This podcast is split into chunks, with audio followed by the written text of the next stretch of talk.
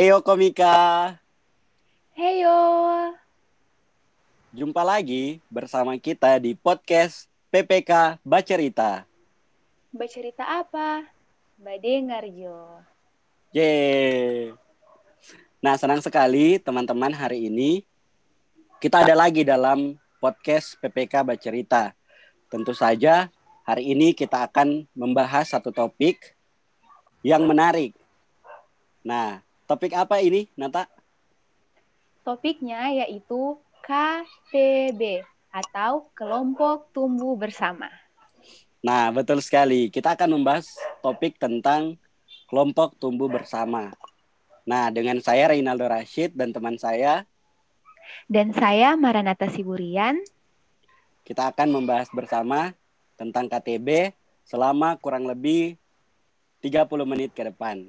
Nah, sudah hadir bersama dengan kita seorang kakak yang akan menjadi narasumber. Nah, ini dia Kak Lisa Rompas. Halo Kak Ica. Halo Kak. Halo teman-teman semuanya. Halo. Apa kabar Halo. Kak Ica? Baik, puji Tuhan baik. Puji Tuhan baik. Nah, Kak Ica, uh, kita akan membahas satu topik tentang KTB, kelompok tumbuh bersama. Sebelum kita masuk di dalam pertanyaan-pertanyaan, bolehkah Kak Ica memperkenalkan diri secara singkat uh, tentang diri Kak Ica, kemudian aktivitas Kak Ica setiap hari? Oke, okay, uh, terima kasih untuk teman-teman semua yang sudah mengundang saya mengundang Kak di acara ini. Jadi bersyukur sekali uh, boleh menjadi bagian di saat ini. Oke, okay, uh, perkenalan uh, nama Kak Lisa Rompas gitu. Tapi juga teman-teman bisa mengambil eh, memanggil Kak Ica atau Kak Lisa terserah uh, sekarang tinggal di Manado. Aktivitas sehari-hari uh, kalau dalam pekerjaan itu uh, sekarang sebagai staf perkantas. Uh, khususnya melayani untuk uh, mendampingi mahasiswa. Iya. Jadi Kak Ica ini uh, merupakan uh, seorang staf di Perkantas Regional Sulawesi Utara di bidang pelayanan mahasiswa. Nah, Kak Ica langsung saja. Uh, di sini sudah ada beberapa pertanyaan yang sudah disiapkan. Nah, berbicara soal kelompok tumbuh bersama, menurut Kak Ica, apa sih itu kelompok tumbuh bersama atau apa sih itu KTB? KTB? yeah. ya kalau singkatannya ya pasti sudah tahu ya teman-teman tadi juga sudah sempat dibilang uh, kelompok tumbuh bersama. Jadi uh, eh, KTB ini uh, terdiri dari uh, sekelompok anak Tuhan, begitu biasanya uh, idealnya itu tiga uh, hmm. sampai enam orang. Jadi uh, mereka ini sama-sama uh, rindu untuk bertumbuh di dalam iman dan uh, kemudian berkomitmen untuk uh, secara rutin uh, belajar bersama. Jadi ada pertemuan yang um, uh, kayak kalau bilang baku janji begitu yang baku dapa. Yeah. Uh, nah, ya. Jadi dalam pertemuan ini mereka sama-sama belajar uh, firman Tuhan, terus uh, belajar bagaimana untuk menjadi uh, murid-murid Kristus. Seperti itu KTB. Jadi uh, mungkin tambahan ya kalau uh, KTB ini uh, merupakan salah satu metode dari pemuridan.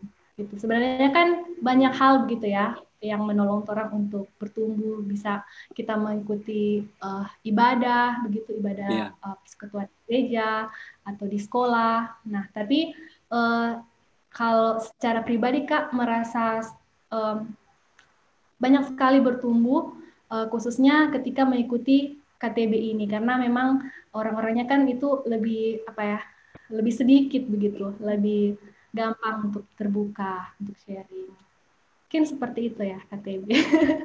oh iya betul betul kak. Oke. Nah dari pengertian tadi kak tentang KTB, kira-kira menurut kak mengapa sih atau perlu mengapa perlunya atau pentingnya orang ber-KTB? Jadi kira-kira menurut kak tujuan dari orang KTB itu apa sih? Ya, uh, kalau mau tanya penting tidak penting ya penting sih menurut Kak karena Kak secara yeah. pribadi juga mengalami hal itu ya. Karena kan eh, teman-teman tadi juga sempat bilang uh, kelompok kecil ini, kelompok KTB uh, merupakan salah satu metode pemuridan Kang. Nah, ketika kita menjadi orang percaya, orang yang sudah ditebus oleh Tuhan begitu, tentunya ada perubahan hidup yang uh, harus kita tunjukkan begitu. Uh, misalnya kita um, meninggalkan dosa-dosa kita yang dulu, uh, atau uh, kita menjadi pribadi yang lebih baik lagi. Dan pastinya hal ini itu butuh proses dan namanya proses kan tidak mudah ya teman-teman. Iya uh, betul kak. Ada, ya kita akan sangat tertolong jika ada orang-orang yang uh, boleh mendukung kita begitu. Nah proses ini uh, biasa uh, dikenal dengan proses pemuridan gitu. Kan kita semua orang-orang yang sudah percaya kepada Tuhan kan uh, dipanggil untuk jadi murid ya. Jadi, yeah. nah inilah dikenal dengan proses pemuridan. Jadi uh, terlibat dalam KTB itu kita masuk dalam proses itu. Jadi kita belajar bagaimana menjadi murid. Menjadi murid berarti menjadi seorang yang mengikut Kristus setiap hari. Jadi diubahkan oleh Kristus, uh, diubahkan menjadi yang bilang tadi pribadi yang lebih baik lagi dalam sikap dan terlebih juga sama-sama um, juga mengerjakan apa yang mau Tuhan um, ingin kita kerjakan.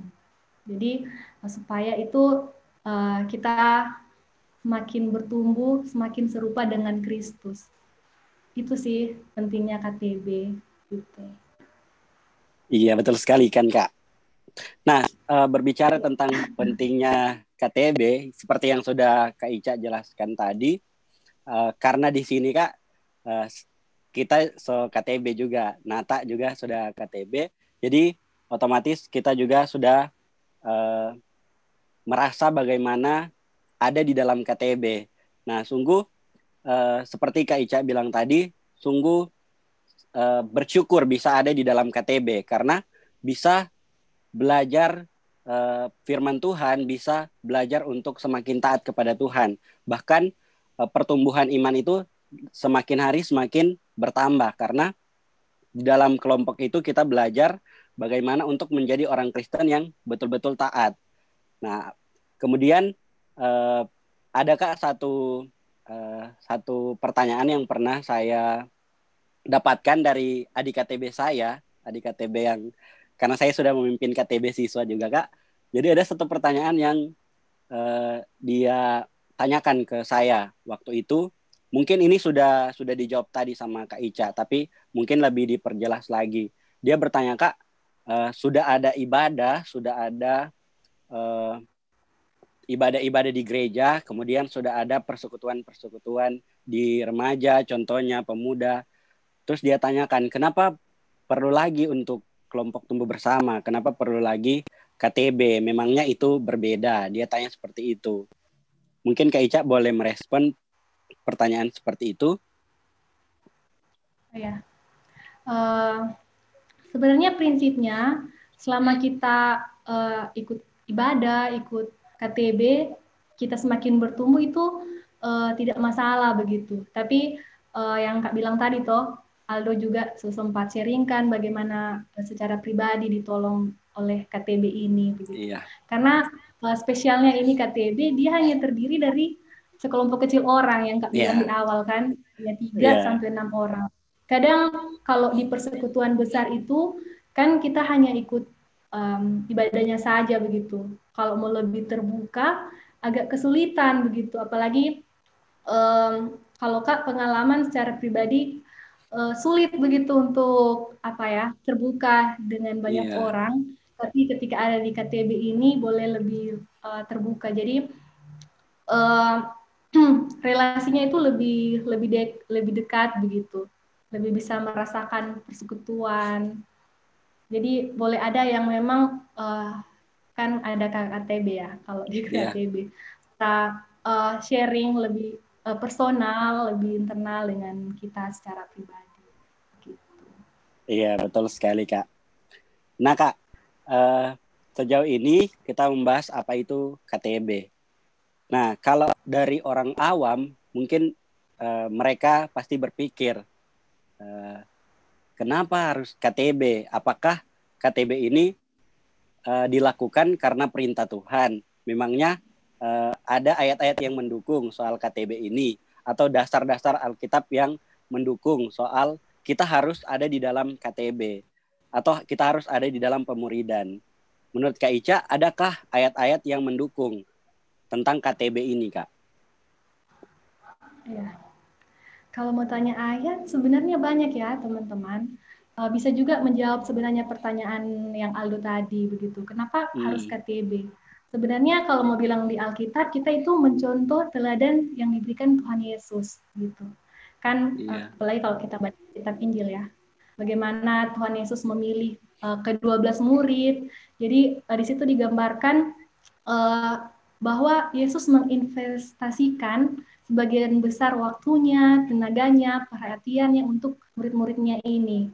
Jadi uh, di sini kita bisa melihat uh, Tuhan pun ingin relasi yang personal begitu dengan orang yang dilayaninya. Nah, uh, Kak sempat ikut suatu uh, kegiatan begitu ya. Iya. Um, nah, tentang kelompok kecil juga uh, kebetulan membahas hal ini. Uh, di situ dibilang uh, banyak uh, orang yang ingin mem, apa punya pelayanan yang sukses begitu, yang berhasil, tapi uh, tidak mau untuk mengikuti apa yang Tuhan Yesus ajarkan, teladankan. Nah, di bagian ini kan kita belajar bagaimana teladan Tuhan Yesus yang juga uh, dia memilih kedua belas murid itu. Uh, apa juga ya uh, di Alkitab juga kan ada amanat agung ya Tuhan Yesus. Oh iya. Bagaimana pesan-pesan terakhir Tuhan Yesus ketika uh, dia mau naik ke surga, uh, dia memerintahkan semua orang itu untuk jadi murid Kristus. Nah, inilah bagiannya begitu kita ketika terlibat dalam KTB, kita diajak untuk mengikuti teladan Tuhan Yesus juga. Jadi KTB ini bukan apa ya, baru ada sekarang terus oh asal dibuat atau yang penting ada komunitas saja begitu yang tapi itu juga uh, banyak Alkitab yang menjelaskan tentang KTB walaupun tidak tersurat ya tidak tertulis uh.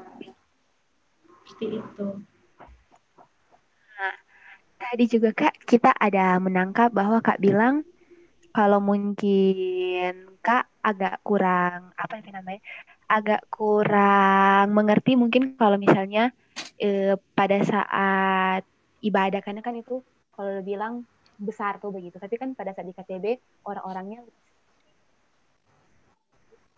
itu mungkin salah satu manfaat dari berKTB apakah eh, ada lagi manfaat-manfaat lain kak selain itu tadi? Jadi manfaat-manfaat KTB itu kira-kira selain tadi itu adakah hal lain? Oke. Okay. oh jadi um, selain apa ya makin kita uh, terbentuk secara personal kita ya dalam hal karakter uh, kita juga bisa belajar saling peduli saling mengasihi begitu dalam KTB ini. Uh, salah satu hal mungkin yang kak syukuri um, tentang KTB ini kita punya sahabat sahabat untuk bertumbuh sehingga kita tidak merasa untuk uh, sementara berjuang sendirian gitu. Jadi ada orang-orang yang Iya, mempedulikan, iya, saling menguatkan. Kan, hmm, kan kita juga um, mungkin ada saat-saat uh, kita jadi maaf malas begitu uh, bersaat hmm. teduh begitu. Nah ada yang mengingatkan, dia jangan lupa nih saat teduh gitu dong. Jadi uh, itu sih ada orang-orang yang memang mau memperhatikan kita, terlebih mendoakan kita itu kan hal yang perlu sangat kita eh, butuhkan ya sebenarnya orang yang mendukung seperti itu. Hmm. Atau iya. teman-teman yang lain ada manfaat lain yang dirasakan begitu dengan KTB? Kan tadi so sharing kan toh so terlibat juga KTB. Nah, atas Iya. Kalau dari kita sih kak, banyak hal sih yang uh, kita dapatkan manfaat-manfaat yang kita dapatkan di dalam KTB. Salah satunya uh, seperti tadi yang kita bilang, uh, KTB ini satu wadah, satu tempat yang kita bisa bertumbuh di dalamnya.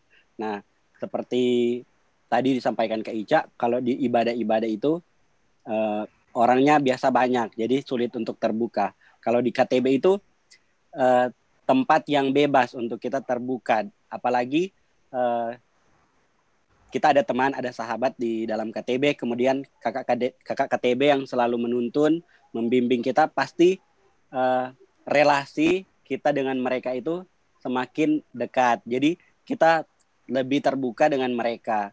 Nah itu sih salah satu hal yang penting, manfaat yang penting ada di dalam KTB. Selain itu juga uh, hal yang sangat uh, bermanfaat itu uh, perubahan sih kak, perubahan hidup ketika dulunya kita dulunya kita tidak taat, saat ini kita menjadi taat. Seperti contoh uh, saat teduh, seperti contoh uh, doa. Dulu itu sebelum saya KTB masih bolong-bolong, masih bolong-bolong soal hal-hal yang tadi. Tetapi setelah KTB tertolong karena saling mengingatkan. Seperti tadi Nata bilang saling menguatkan satu dengan yang lain di dalam kelompok ini sehingga uh, kehidupan rohani atau kehidupan kita hubungan kita dengan Tuhan itu semakin terjaga di dalam uh, KTB. Kita bisa saling menguatkan. Kalau dari Nata mungkin ada manfaat yang Nata dapatkan? Hmm. Kalau kita juga itu sama dengan Kak Al, dengan Kak Ica, mungkin juga tambahan um, teman KTB Nata dengan kak, dengan kakak KTB Nata itu uh, rasa jadi motivasi dong. Misalnya saat meng-sharingkan pengalaman-pengalaman mereka saat teduh atau jam-jam doa yang misalnya uh, mereka melakukan jam doa atau saat teduh selalu hampir selalu rutin bahkan uh, punya waktu dang begitu kayak oh termotivasi dang. Kadang lain kali kan sering bolong tuh tapi karena dengar cerita dari mereka oh termotivasi. Kakak KTB teman KTB saja boleh begitu masa pribadi sendiri tidak boleh? Kan sama-sama bergaul dengan mereka. Jadi ada motivasi karena ada di dalam KTB kira-kira begitu sih kalau dari kita ada manfaat. Iya. Ya, betul betul. merasakan ya manfaatnya. Tapi uh, bukan berarti kalau saya ikut KTB so tidak mau ikut ibadah-ibadah yang teman-teman, tetap itu juga diperlukan. Iya iya betul kak. Nah kak selanjutnya uh, berbicara soal manfaat yang tadi. Nah pasti uh, ketika kita uh, ada di dalam KTB Eh, kita menyadari pun bukan hanya manfaat yang kita dapatkan. Nah, sering kali mungkin ada pergumulan di dalam KTB atau biasa dikatakan tantangan-tantangan dalam ber-KTB, Kak. Nah, di sini uh, saya dan Nata sudah ada beberapa tantangan, ada beberapa list yang sudah uh, kami buat. Di situ ada yang pertama, Kak, ada uh, tantangan tentang orang tua yang melarang untuk KTB, Kak. Jadi uh, menurut Kak Ica, bagaimana ketika ada uh, seseorang, ada seorang siswa yang mau untuk KTB, kemudian dia dilarang untuk dilarang oleh orang tua untuk KTB. Mungkin Kak, Kak Ica boleh kasih pendapat bagaimana dengan siswa yang ini? Iya, uh, sebenarnya uh, setiap kelompok itu punya tantangan masing-masing ya dalam KTB. Itulah yang apa menggambarkan keunikan tersendiri di setiap kelompok. Iya, iya betul. Dan dan tugasnya ya kalau pimpin siswa, mahasiswa ataupun kakak-kakak alumni yang sudah bekerja pastinya ada tantangan tantangan. Iya. Dan kalau Aldo uh, tanyakan itu terkait sih ini teman-teman siswa ya kalau ada iya. larang gimana kak gitu. Um, kalau Kak sih berpandangan pastinya semua orang tua itu ingin melihat anak-anaknya itu uh, bertumbuh dengan baik, punya pergaulan yang baik. Mungkin uh, itu pun yang menjadi kekhawatiran begitu ya. Uh, iya. Di orang tua yang melarang anak-anaknya begitu untuk untuk KPB mungkin apa ya takutnya um, nanti anaknya tidak konsen belajar gitu cuman iya, iya. berkumpul-kumpul di kelompok uh, kita nggak tahu ya mungkin uh, hal seperti itu yang menjadi kekhawatiran dari orang tua. Cuma yang uh, prinsipnya yang pasti orang tua ingin yang terbaik bagi anaknya. Nah, untuk menjawab hal ini, mungkin uh, Kak berpandangan ya uh, siswa ini yang mau ikut kelompok tumbuh bersama ini, dia harus punya cara hidup yang baik di rumah, gitu. Hmm, Jadi iya, iya. kan uh, kayak apa ya berhubungan dengan tadi kan kalau ikut KTP sebenarnya ada perubahan hidup ya. Perubahan hidup. Jadi um, cobalah komunikasikan dengan mama gitu dengan papa tentang KTB ini seperti apa begitu. Jadi uh, bisa terlihat juga dari uh, adik-adik ini siswa-siswa ini lebih rajin begitu di rumah. Iya iya betul. Kan nanti kalau orang tua tanya ih uh, kenapa lebih rajin gitu. Nah bilang no oh ini kak eh, ini karena ikut KTB begitu kita juga eh, belajar mesti uh, rajin membantu orang tua juga begitu. Uh, rajin beribadah. Jangan sampai ketika kita ikut KTB uh, kalau orang tua mau apa minta tolong kita jadi apa ya alasannya ada mau KTB begitu dong. Jadi uh, pandangannya iya, iya. itu orang tua ah ini KTB buat kita aneh apa ini gitu well, seperti itu mungkin ya teman-teman. Jadi um, harus punya cara hidup yang baik yang ditunjukkan gitu. Jadi orang tua bisa melihat uh, perubahan hidup kita yang yakin orang tua juga pasti akan mendukung kita ketika kita bilang uh, mau KTB. Itu iya, intinya memberikan buah dari KTB itu kan Kak. Jadi hal-hal yang iya. uh, hal-hal yang baik itu yang kita dapatkan dari KTB itu disampaikan ke orang-orang yang ada di sekitar kita, lebih khusus orang-orang yang ada di rumah. Nah, pasti itu akan didukung penuh oleh orang tua. Seperti itu.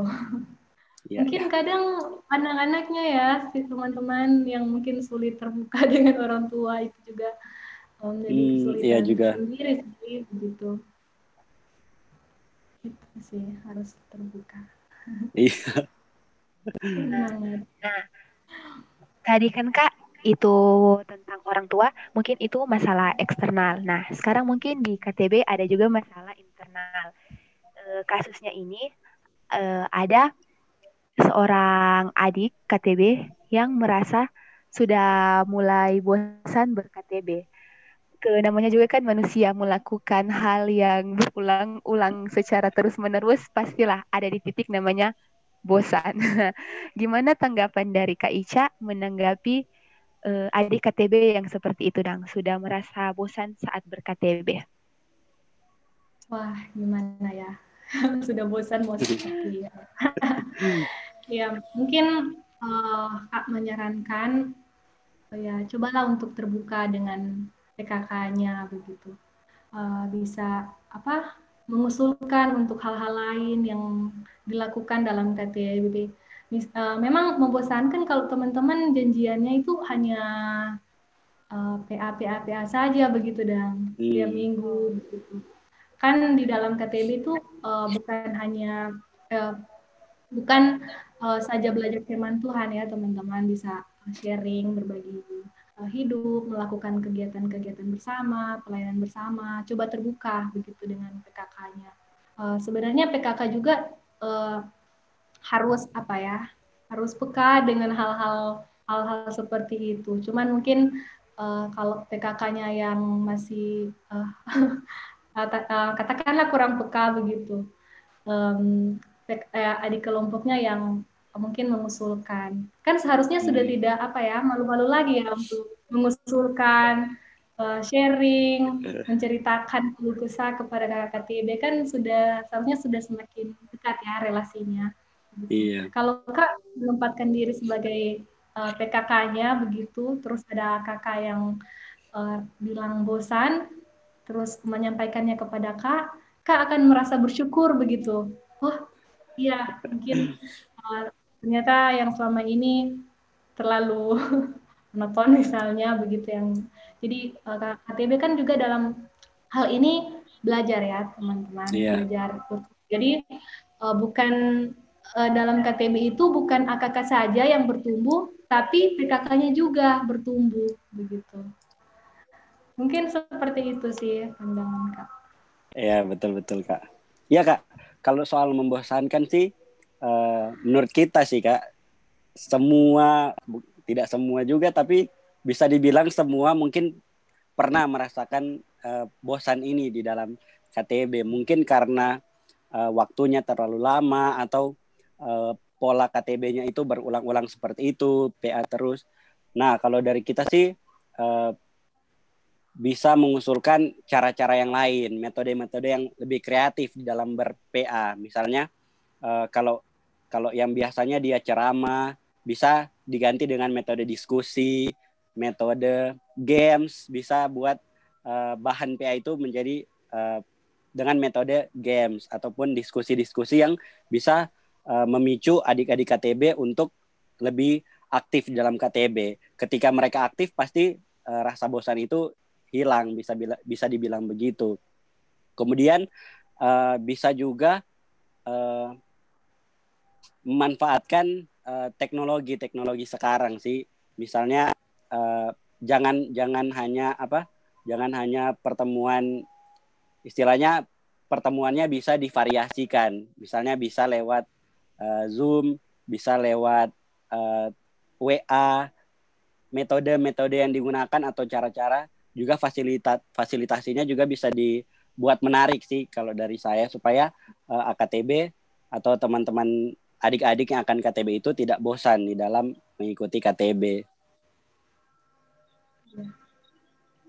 Penting sih itu deh, uh, memikirkan hal-hal kreatif iya. yang bisa kita lakukan di KTB. Cuman kak berpandangan ya selama orang itu berkerinduan untuk bertumbuh, dia pasti akan memperjuangkan gitu Iya iya betul. Bosan-bosan lah gitu. Jangan bosan-bosan. Yang lain Jadi ternyata ada banyak cara Kak Kang uh, untuk memvariasikan model-model ber-KTB agar tidak monoton seperti itu. Iya. Oke. Okay. Uh, eh, pertanyaan berikut mungkin tadi kan tentang adik KTB. Nah, sekarang pemimpin KTB-nya ini. Mungkin kalau masalah dari pemimpin KTB-nya, kasusnya ini mungkin Kak eh, mau diangkat sedikit cerita. Kak, kakak KTB saya sudah sibuk. Misalnya entah dia sibuk kalau masih mahasiswa kuliah, atau kalau misalnya dia sudah selesai, dia mungkin bekerja. Nah, kalau misalnya kasusnya kakak KTB-nya yang sudah sibuk, bagaimana tanggapan dari Kak Ica? ini pemimpin KTB ini yang sibuk. Uh, seharusnya sih uh, sesibuk-sibuknya kakak KTB ketika dia telah berkomitmen untuk memimpin kelompok kecil, dia harus menyediakan waktu untuk adik-adik kelompoknya. Itu sih deh harga yang harus dibayar begitu. Apalagi seorang PKK ya, dia punya tanggung jawab uh, untuk menolong kakaknya, untuk uh, bertumbuh begitu. Jadi kalau kak pikir uh, eh kalau um, tadi Nata bilang KKTB-nya sibuk, ya lihat lagi komitmennya begitu um, dari KKTB itu. Cuman uh, yang pasti uh, kalau kak sih dengar-dengar mungkin uh, pengalaman dari teman-teman yang lain, memang ada uh, seperti itu PKK memang uh, sibuk, apalagi mungkin kalau sudah alumni agak kesulitan ya cari uh, waktu untuk pertemuan bersama kakaknya. Ya pasti dia akan mengupayakan juga untuk mungkin men-sharingkan uh, uh, kakak yang lain untuk menolong begitu dalam uh, pertumbuhan kakaknya itu tidak apa-apa begitu. Cuman yang pasti uh, kalau kak sih berpandangan uh, PKK-nya harus menyediakan waktu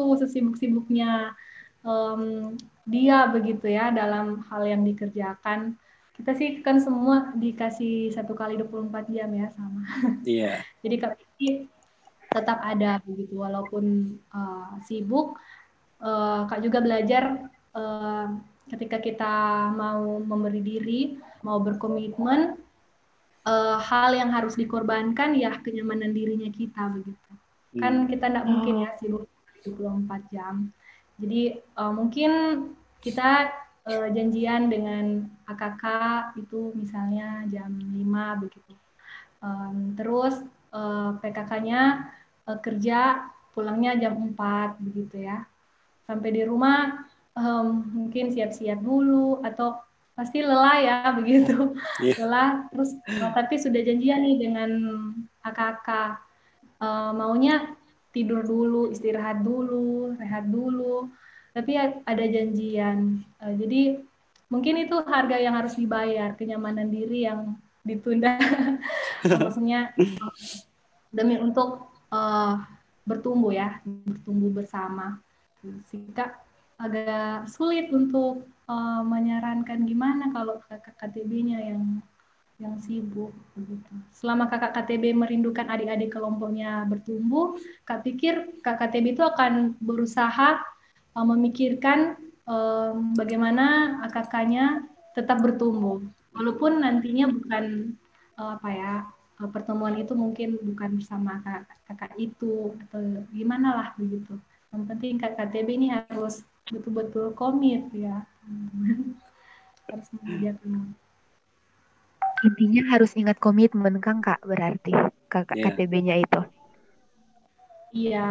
Hmm.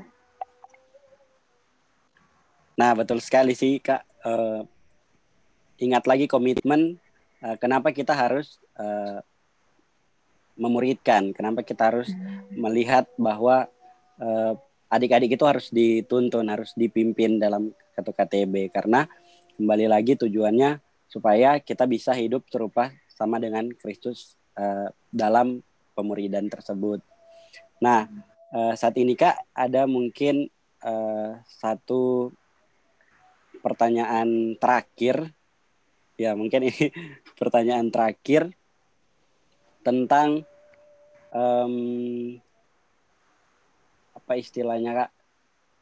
Eh, kewajiban kita dalam berKTB itu sebenarnya kak eh, berapa berapa kali? Eh, istilahnya misalnya satu bulan itu baiknya kita KTB berapa kali? Begitu kak. Apa ya istilahnya? Uh, estimasi waktu begitu. Mungkin baiknya kita KTB itu satu bulan berapa kali sih kak?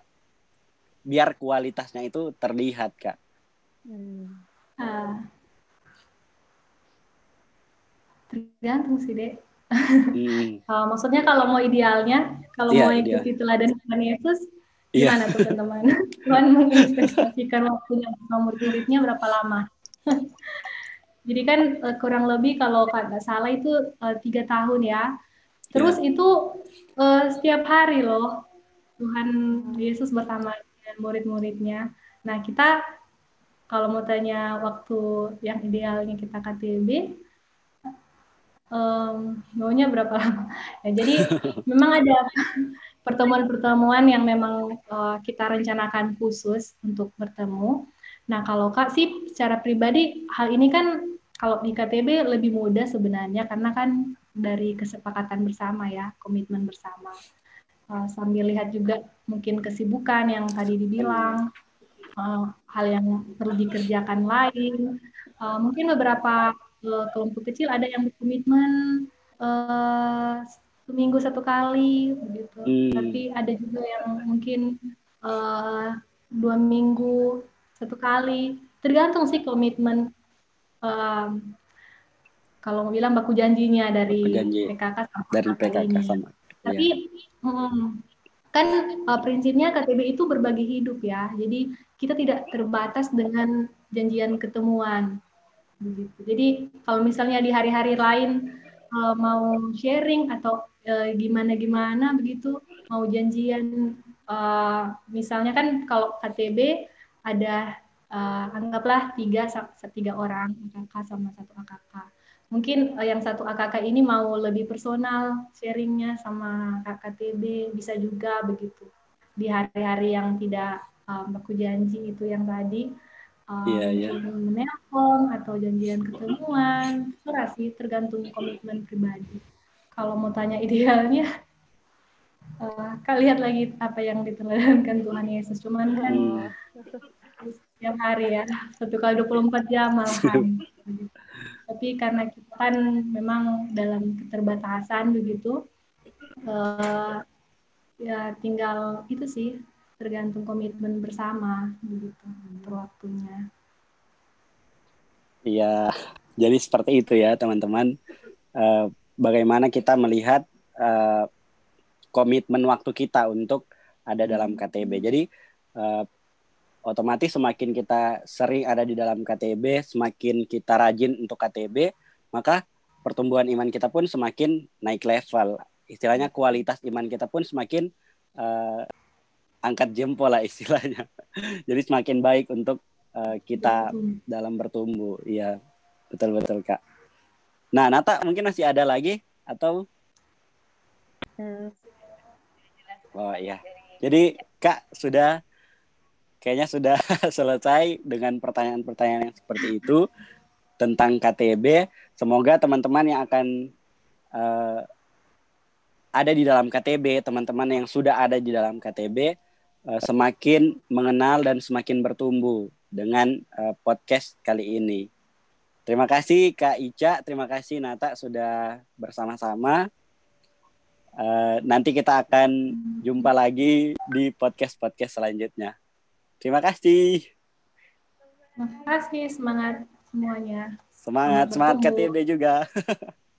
Oke, okay, bye-bye.